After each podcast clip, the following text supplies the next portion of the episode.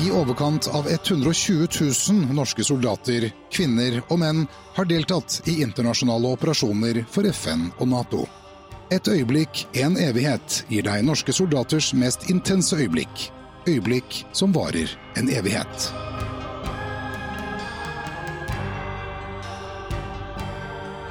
Ja, velkommen til eh, Et øyeblikk i evighet og nok en episode her fra bygning 1 på Akershus festning. Disse gamle kontorene til eh, Gunnar Sønsteby, som eh, nå er både et minnemuseum for han og også et lite krigskorsmuseum. Med meg i dag så har jeg to karer som kjenner hverandre fra Libanon, fra Unifil. Og vi skal tilbake til, til 90-tallet. Velkommen til deg, David Eilertsen. Takk. Når begynte du i militæret? Jeg begynte i militæret i 1994. Jeg var inne hele det året i gamlebyen i Fredrikstad. Og jeg er jo fra Fredrikstad, så det var 15 minutter å sykle til, til kaserna. Du fortalte meg tidligere at du hadde vært i lett eh, luftvernartilleri. Ja, Robot 70-skytter. Robot 70, en utdøende rase, kan vi si. Men du trivdes jo tydeligvis så bra at du søkte deg til, til FN-tjeneste. Ja, det gjorde jeg. Eh, jeg søkte mens jeg Eller på avslutningen av førstegangstjenesten så sendte jeg søknaden.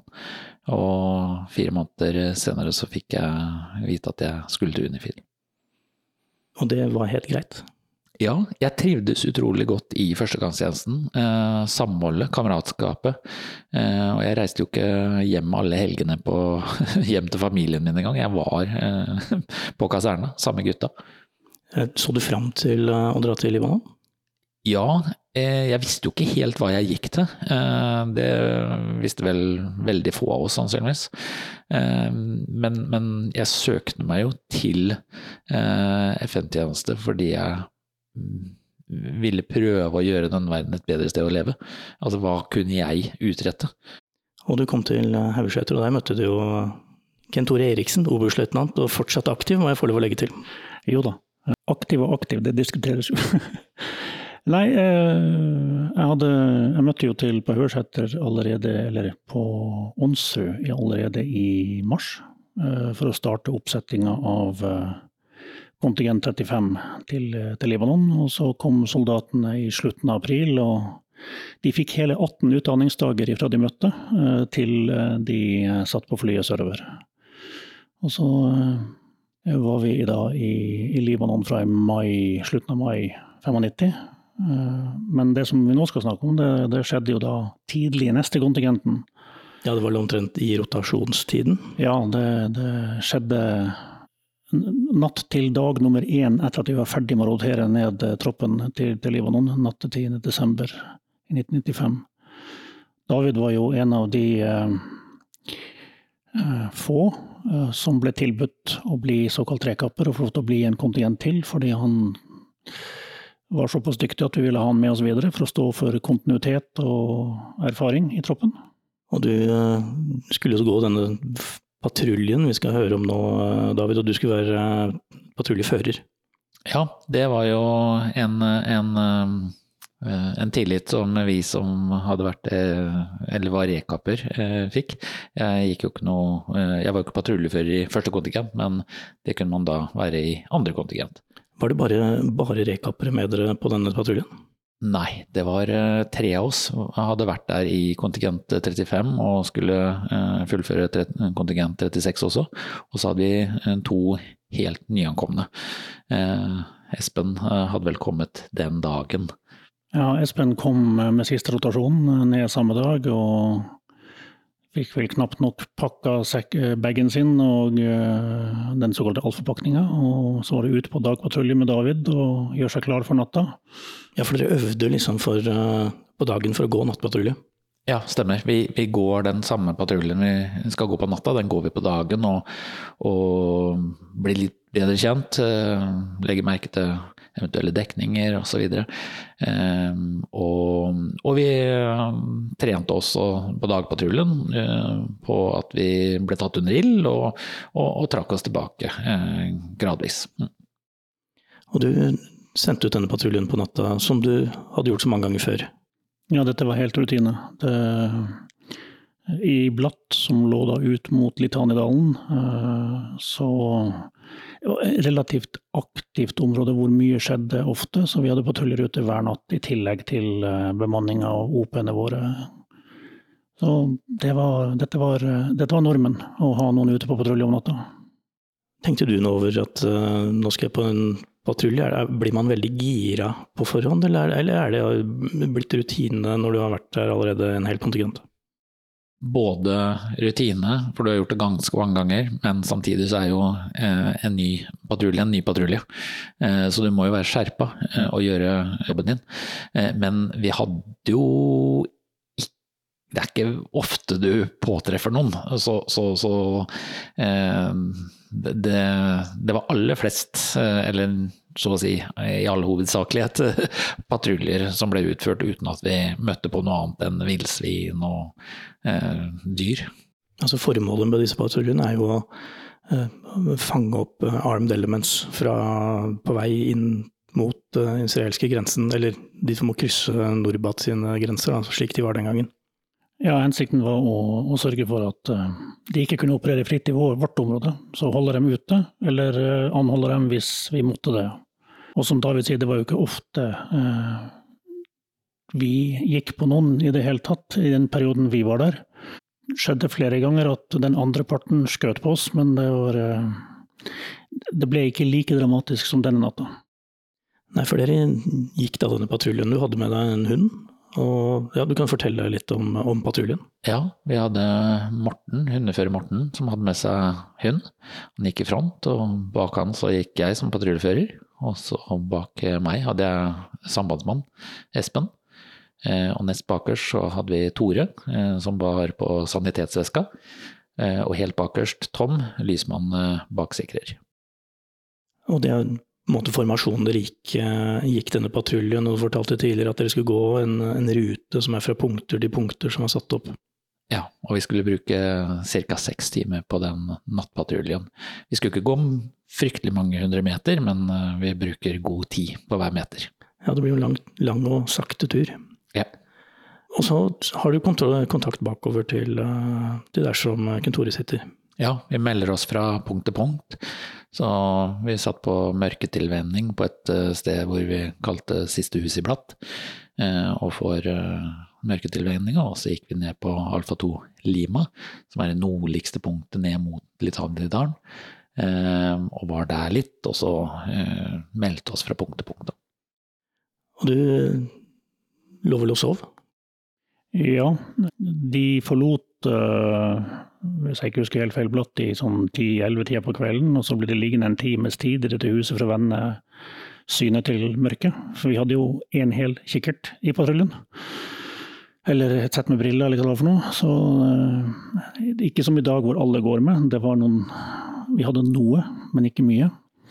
Så øh, når ting skjer, så, så ligger det altså over Vi fikk et spørsmål fra israelerne, som hadde da en større operasjon pågående den natta. Fordi øh, de hadde etterretninger som tyda på at det var noe på gang. Eh, Hezbollah eller en av de andre grupperingene. Så de hadde henta inn mannskaper og styrker fra Golan bl.a. og ellers i sør for å forsterke, for å kunne sjøl ta til fange det som dukka opp. Og det var en aktivitet som David og guttene la merke til, for det var, mye som skjedde ute på andre sida av Litanedalen eh, i forhold til patruljeteigen vår. Men på et eller annet tidspunkt så har de da fanga opp at noe skjer, og så da kom det et spørsmål fra eh, Israeli Defense Forces, IDF, eh, til Unifil Ops på om vi hadde patruljer i området. Og det svarte vi kreftene på, som var standard operasjonsprosedyre på den tida der. Det visste ikke du noe om, David, at de hadde fanga dere opp. Du, du bare tusla av gårde som du skulle. Ja, eh, vi, når vi gikk fra Alfa 2, eller punktet Alfa 2 Lima, så valgte, var det to stier vi kunne velge. Og da valgte vi den, eller jeg valgte den eh, stien hvor vi var, eh, var, mest operative for å eventuelt få med oss ting som skjedde nede i Tannidalen kalte den nedre sti. Og vi hørte jo stor eh, stridsvognaktivitet eh, på andre siden av Leitanedalen, og vi fikk også et eh, termisk sikte på oss eh, som, som, vi kunne se i nattbrillene, men som vi ikke kunne se med det blotte øyet. og så, så, vi visste jo at israelerne så oss, eh, og, og det, det, termiske siktet det fulgte oss lenge. Eh, og det trodde jo vi bare var på pur F at de gjorde. Men det var ikke det som uh, plutselig bekymra deg? Det, det, den hunden den markerte jo? Ja, vi hadde gått eh, på nedre sti og var eh, på vei sørover. Eh, og så fikk underfører Morten og en, Han leste jo hunden sin, og hun markerte på noe i front. Og Morten sa at det, det er sannsynligvis ikke noe dyr. Det er trolig mennesker, og, markeringen var sterk. Så jeg beordra patruljen ut i flanke, og Tom sikrer bak fra det området vi kom fra. Eh, og så bruker vi da nattkikkert og nattbriller til å se eh, om vi kan se noe. Mm, og, det, og, da melder vi jo inn til Obsen at, at, vi har en markering.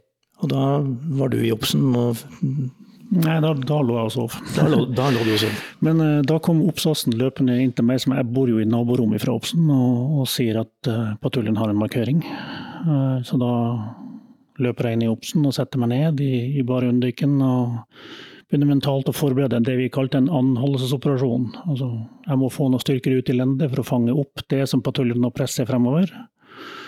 Og var mentalt der og går på nett og sier til David at hun ber om en situasjonsrapport. Og eh, da kommer han på nett og forteller at de har hatt en markering.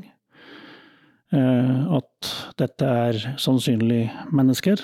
At markeringa har blitt litt svakere, så de fortsetter mot sør. Og har vel knapt nok sagt det, før det da smeller. Ja, det smeller, eh, David. Og ikke bare litt heller. Nei, det stemmer. Eh, vi, vi, var jo forberedt på at vi hadde noen armed elements foran oss. Eh, det er i hvert fall det du forbereder deg på. Og at vi skal gå til en altså enten en anholdelse eller at vi skal få det ut av, av Norbot. Helst det siste. Og så ser jeg eh, to røde lysglimt fra en IDF-posisjon i 3,5 km avstand i Marseillon, eh, men, men, tenker ikke noe mer på det, fordi jeg er så fokusert på det, det som vi eventuelt har foran oss. Men det tar jo ikke mange sekundene før det, før det smeller kraftig, og det, du, du blir slått luften ut av, og du har munnen full av sand, og, og, du higer etter pusten, og det kommer et nytt smell som står, slår lufta ut av deg igjen. Ja, for dere ble rett og slett beskutt med stridsvognsartilleri. Eh, mye. Ja, eh, jeg, jeg, jeg, jeg, telte ikke. Jeg aner ikke hvor mange. Eh, og jeg vet ikke hvor lenge. Om det var ti sekunder eller om det var ti minutter. Altså det er et sted mellom der. Jeg har ikke peiling på hvor mange granater som ble avfyrt, og hvor lenge dette der pågikk. Men du, ble, du fortalte i stad at du, du ble kasta veggimellom?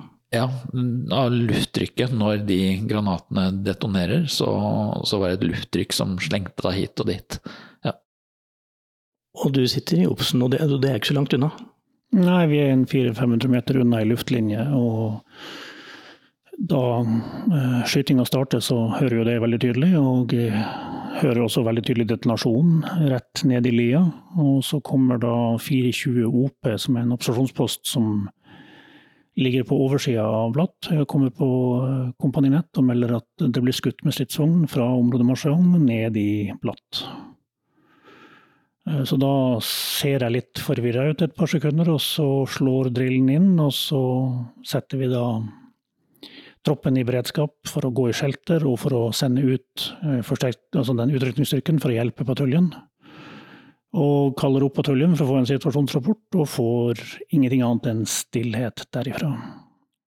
Nei, for radiomannen han eh, var jo også utsatt for akkurat samme angrepet som resten av patruljen. Ja, han hadde flaksa 15-20 meter. Eh, for, for Altså, hundefører Morten, Baksikret, Tom og, og, jeg hadde jo gått denne patruljen eh, noen ganger. Og vi visste at litt lenger foran oss på stigen eh, til venstre, utafor stien, der var det steinrøys. Det, det, var ikke noe god eh, dekning, men det var den eneste dekningen vi hadde i nærheten. Eh, så vi, eh, vi møttes der. Vi, men vi hadde jo ikke Tore og Espen hos oss da, så vi gapa eh, dekning her, dekning her, i håp om at de hørte oss og kom til oss. Eh, Tore kom, eh, og og, Tom eh, hadde jo eh, lys i ryggsekken sin som han skjøt opp for å identifisere at dette er en Unifil-patrulje som dere nå beskytter. Men du mangla én? Mangla Espen, ja. Han, kom ikke, eh, til tross for at vi eh, ropte dekning her, dekning her. Og det var først etter at ild var opphørt Eh, at vi lå i denne steinrøysa og gapa på Espen. Det var ikke noe svar å få. Eh, han hørte sannsynligvis veldig dårlig pga. smella. Så, og, og, Tore spurte om han skulle gå og se etter Espen. Nei, du ligger her.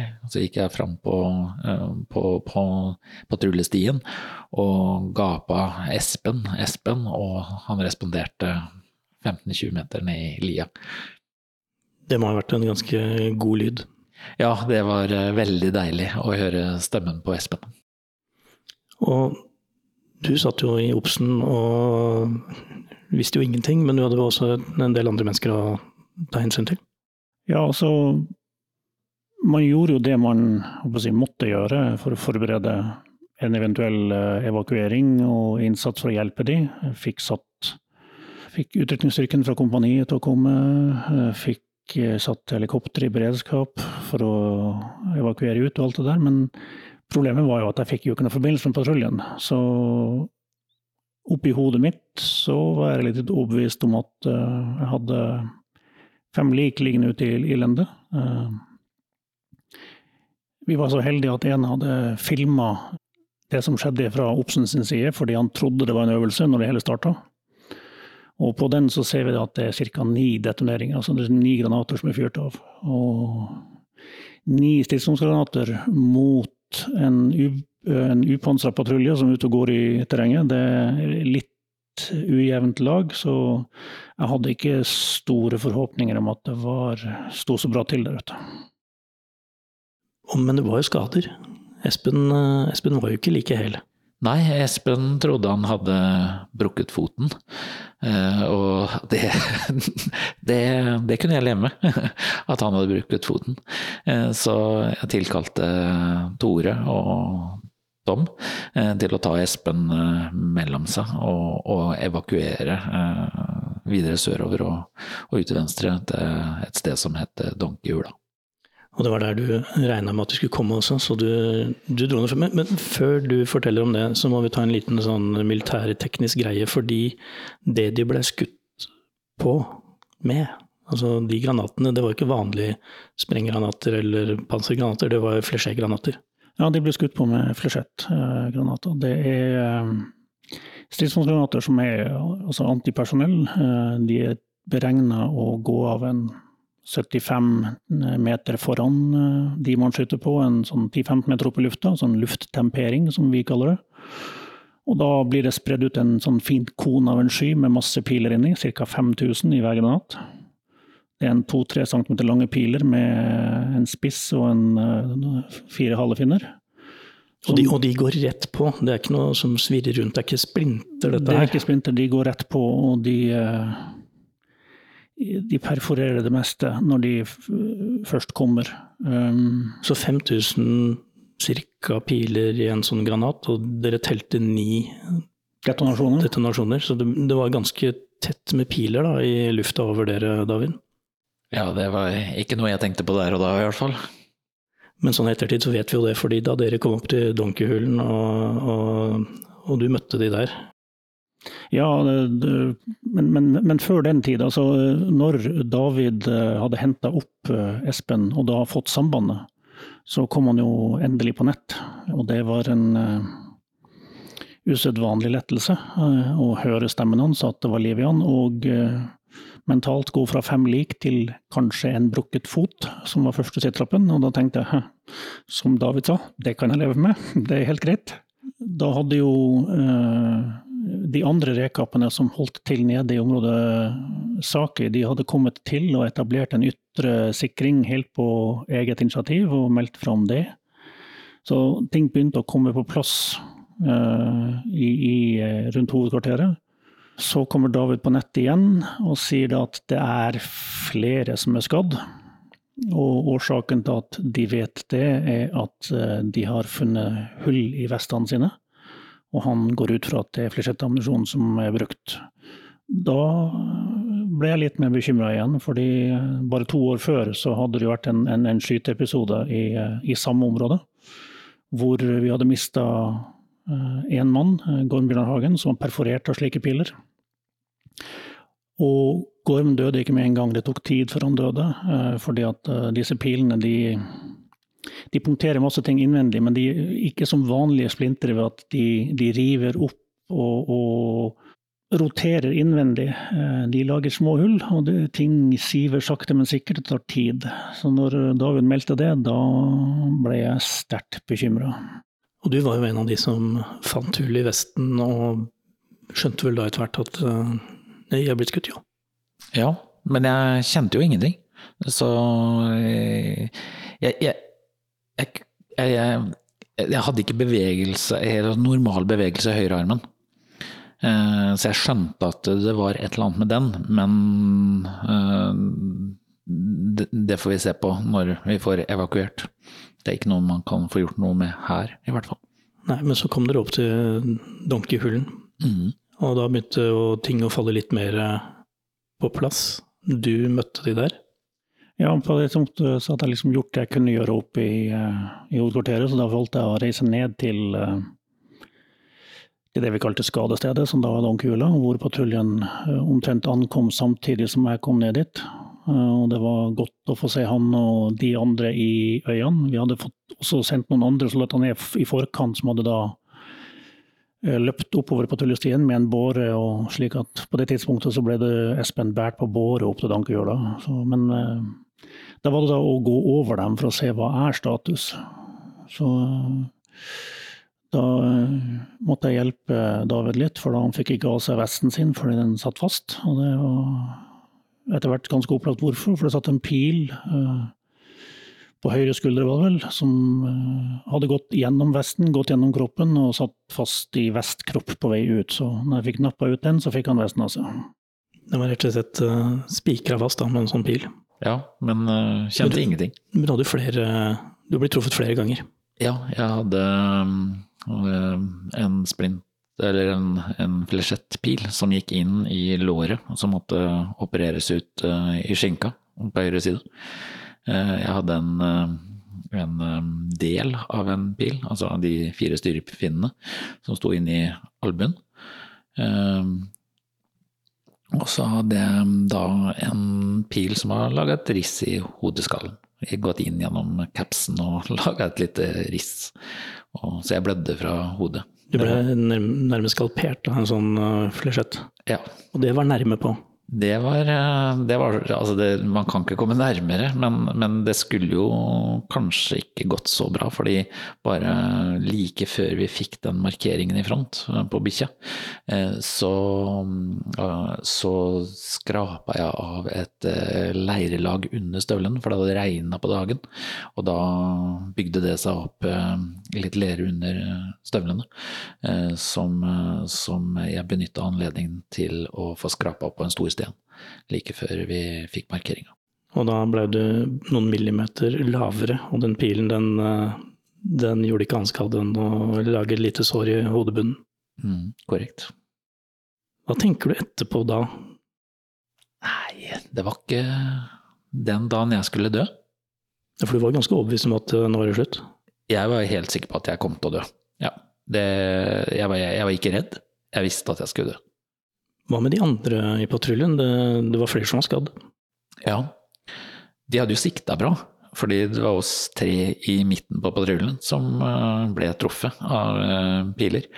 Og så kan jo Kent Tore si noe om, eh, om temperinga etterpå. Men, men, vi hadde flere piler gjennom oss, vi tre som gikk i midten, ja. Ja, nei, de Det, det traff jo et 10-15-talls piler traff norsk kropp. I all hovedsak rene kjøttsår. Uh, ingen kritiske skader som sådan, uh, og det er jo helt utrolig at det går an. Uh, og det er fordi at de feiltemperte. Hovedskya med piler fløy antageligvis over hodet på dem. Så de befant seg under mesteparten av skya, men fikk da disse pilene som streifa nedpå, og traff dem. Og det var jo alvorlig nok, det, da. Så, men eh, takka Gud for akkurat der og da israelsk inkompetanse, det gjorde ingenting. Hvor mange skader ble det til slutt på patruljen? Det var tre av de fem som var truffet. David har jo sagt hvordan han var påført skader. Espen som ble kasta ned i lia etter at han søkte dekning, og så gikk det av en granat i bakken, faktisk, rett ved det han la seg ned. Han ble kasta ned i lia ut i uklarert lende og forstua foten sin når han landa, så det var ikke brukket. Men hadde vel en pil som hadde strøket rett gjennom jeg tror det var låret, jeg er ikke helt sikker. Eh, og I tillegg så hadde Tor Bjørdal hadde vel en to-tre piler i kroppen i hver sin arm, overarm eller noe sånt. Og så, jeg husker ikke helt nøyaktig, men Det gjør sikkert eh, han, hvis vi får tak i han. Det gjør garantert Tore, det er ikke noe tvil om. Ok, så, så spoler vi litt eh, videre, for dere ble jo evakuert først til sykestua, så til eh, Nakura. Begynte det da å, å synke inn hva som hadde skjedd, skjedd med dere? Ja, det, der fikk jeg den første reaksjonen som jeg merka sjøl, i hvert fall. Uh, og da, da, forsto jeg jo at jeg egentlig uh, skulle vært død. Mm. Da, tanken, altså, da, fikk jeg tid til å tenke. Uh, tankene svirra, og, og, og, da kom de første tårene. Mm. Og så var det jo ned til Nakura, til det store feltsykehuset. Stemmer. Espen og jeg fløy i samme helikopter til Nakura. Tore kom med bil dagen etter eller noe slikt. Jeg Jeg husker jeg jeg lå og skulle rett på operasjonsbordet. Og og måtte så grådig på toalettet. Men det var helt uaktuelt da at jeg fikk lov å gå på toalettet, så jeg fikk et bekken servert. Og ja, jeg, jeg, jeg, fikk i hvert fall klargjort meg for den, den, den operasjonen, og jeg fikk sprøyte i kroppen og slokna direkte etter den. Men, men, det var jo midt på natta, og legen som skulle operere var jo akkurat vekt og hadde ikke fått eh, søvn helt ut av øya. Nei, det var, det var, jeg var litt skeptisk. Eh, men, eh, men, jeg våkna jo dagen etterpå, og det var jo da, da, hadde jeg noen ja, sår her og der. Hvordan var stemningen? Hva, hva tenkte du da, da tinga kom på avstand? Hadde det demret for deg at jeg er faktisk blitt, eh, blitt sprengt her. Ja, altså jeg ble jo nesten dopa nede på feltsykehuset. Det var vel når Kent Tore var nede hos meg en gang, så ble jeg vekt for å ta noen piller, og du spurte hva, hva de ga meg, og det var sovemedisin. Så de, de vekte meg for å, for å, gi meg medisin for å sove videre. Så, så, men, men, men jeg husker spesielt at jeg fikk reaksjon nummer to på natta. Da hadde jeg behov for å snakke med noen. Og de andre gutta lå jo og sov. Eh, vi, vi, lå i samme sovesal, både Tore og Espen og meg, og vi lå der sammen med en annen som hadde tatt eh, blindtarmen. Så, så jeg hoppa opp i rullestolen som, lå ved siden, som sto ved siden av senga mi, og jeg rulla ut på vaktrommet.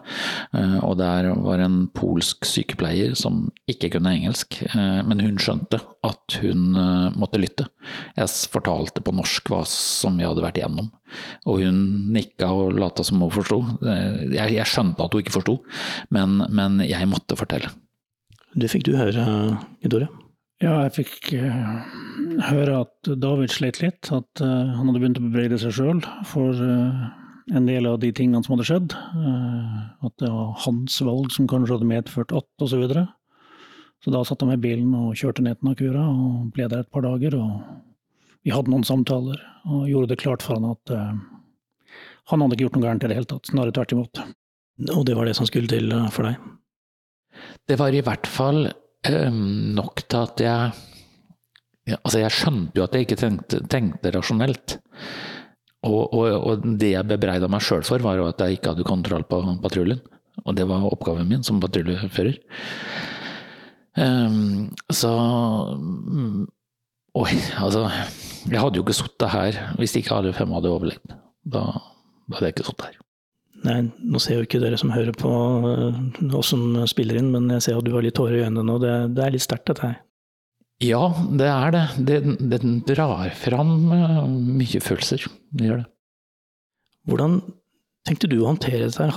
Hadde dere noen plan om sånne ting skulle skje, eller handlet du rent sånn instinktivt på hva du måtte gjøre nå? Altså, det var jo begynt å bli litt uh, fokus på dette her med senskader, uh, psykiske problemer etter FN-tjeneste. Det kom vel i de samme tidsrommet, så kom den her tikkende bomber-saken i TV 2. Så eh, jeg var veldig bevisst på at mitt ansvar for å følge opp dem der og da, eh, gjennom tjenesten, og også litt i ettertid. At jeg følte at jeg hadde litt ansvar. Så jeg følte veldig på det å reise ned og snakke med dem og backe dem opp. Og tilsvarende backe dem opp når de kom opp igjen i tjeneste. Det fantes jo en spesialsykepleier i eh, i Forsvaret som hadde ansvar der. og Hvis jeg ikke husker helt feil, så kom hun ned og hjalp til med noen debrifer i troppen for å håndtere ting. Og Vi fikk også til et treff med patruljen en fem års tid etterpå hjemme i Norge, eh, på Bærøya. Eh, hvor den samme spesialsykepleieren organiserte noe rundt det hele. og Det var jo før veterantjenesten fantes, så, så det var veldig bra. At, at, de faktisk For det var dem som tok det initiativet. Det satte vi pris på. Men eh, det var jo ikke noe system for debrief. Eh, når jeg kom hjem til Norge etter, etter det hele, så ja, det var en avdelingsmiddag på, på Haugeseter. Men det var eh, egentlig mest debrief hos tolleren, i form av spørsmål om hva vi hadde med oss hjem. Og så var det å levere utstyr og så reise. Så det har heldigvis blitt bedre. Men du organiserte i hvert fall sånn at disse, hele patruljen fikk lov å dra hjem til jul? Ja, det var jo ikke meninga at de eh, de som kom ned i, starten av desember, skulle hjem allerede da. Så, men uh, i og med at det har vært gjennom det det har vært gjennom, så fikk vi uh, organisert en tur hjem til jul for patruljen. Så da tok jeg på meg oppgaven som transportfører og drøyde min egen hjemtur til jul til å følge dem hjem. Og så sender de hver til sitt når vi kom til Fornebu. Da var jeg litt bekymra, men da hadde vi en avtale om at uh, i romjula så kommer jeg en runde rundt og besøker familiene og forteller om hva som har skjedd, og hva vi tenker å gjøre oppfølgingsmessig videre. For å dem at, for å gi dem et ansikt og, og, og, og hekte på dette begrepet Forsvaret og de som er ansvarlige for at dette har skjedd, på en måte.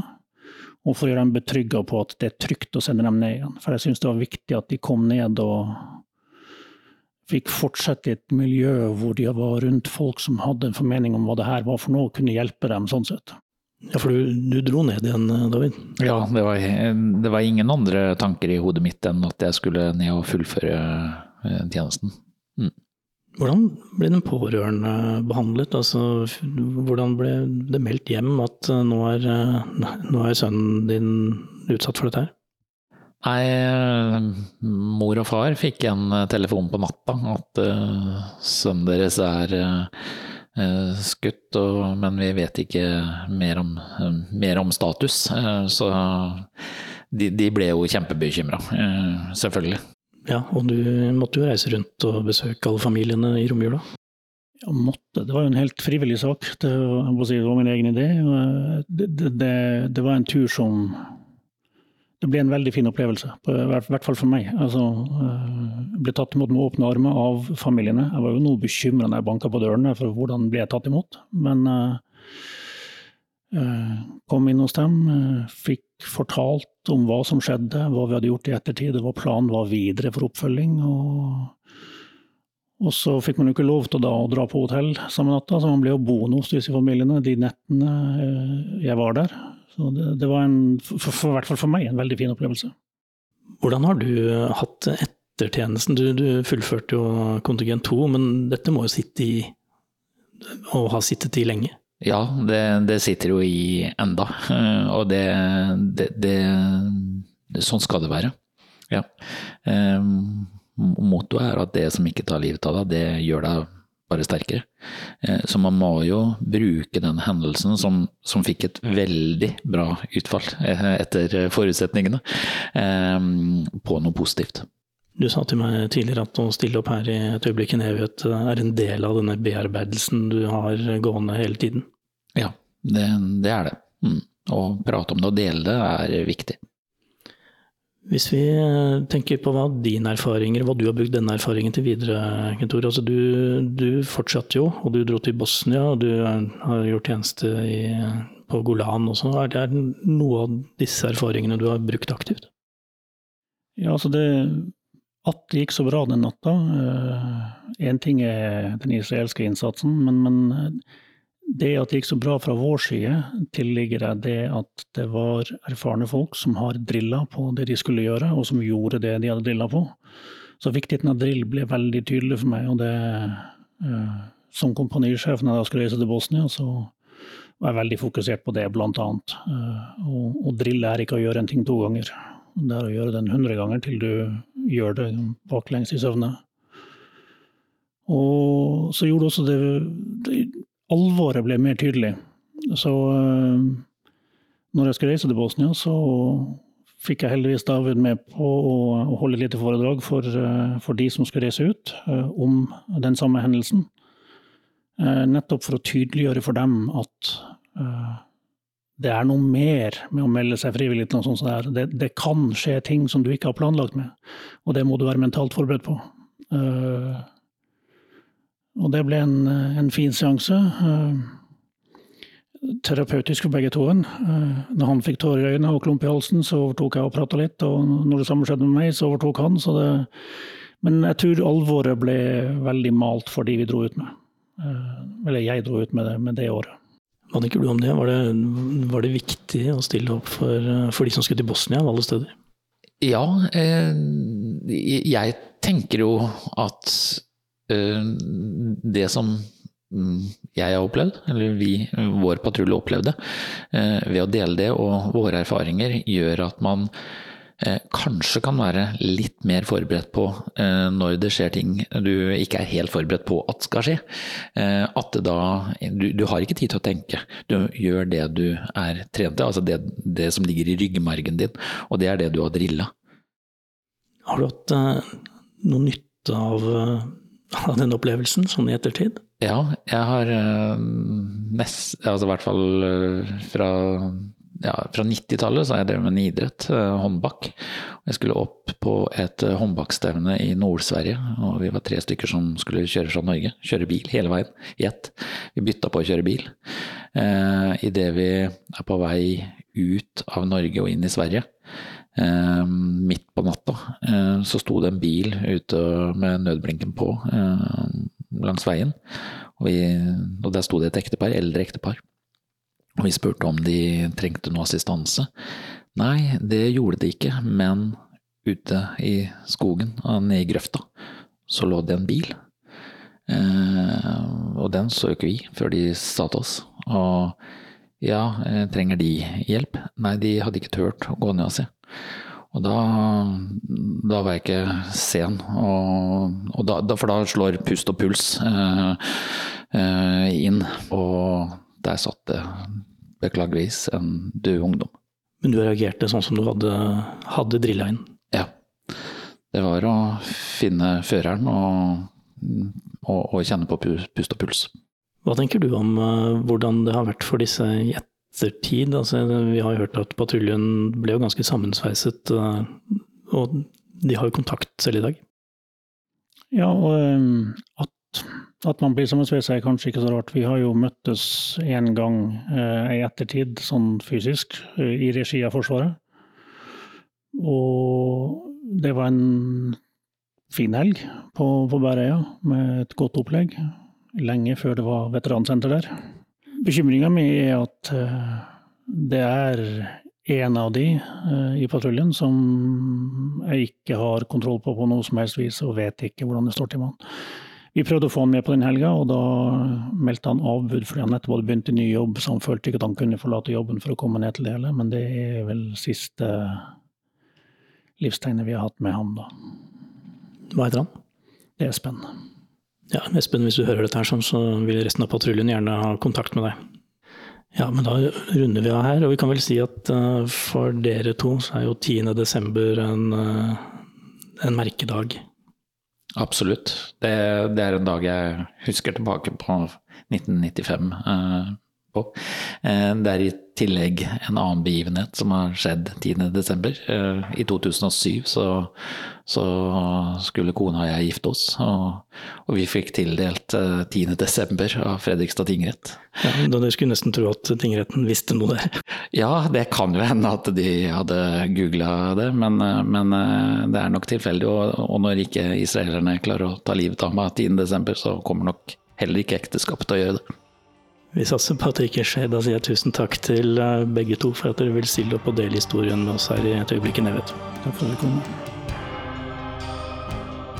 Dette er en av mange unike historier om selvoppofrelse og mot fra våre soldater. Her lar vi soldatene selv fortelle om de intense øyeblikkene, akkurat slik de opplevde det.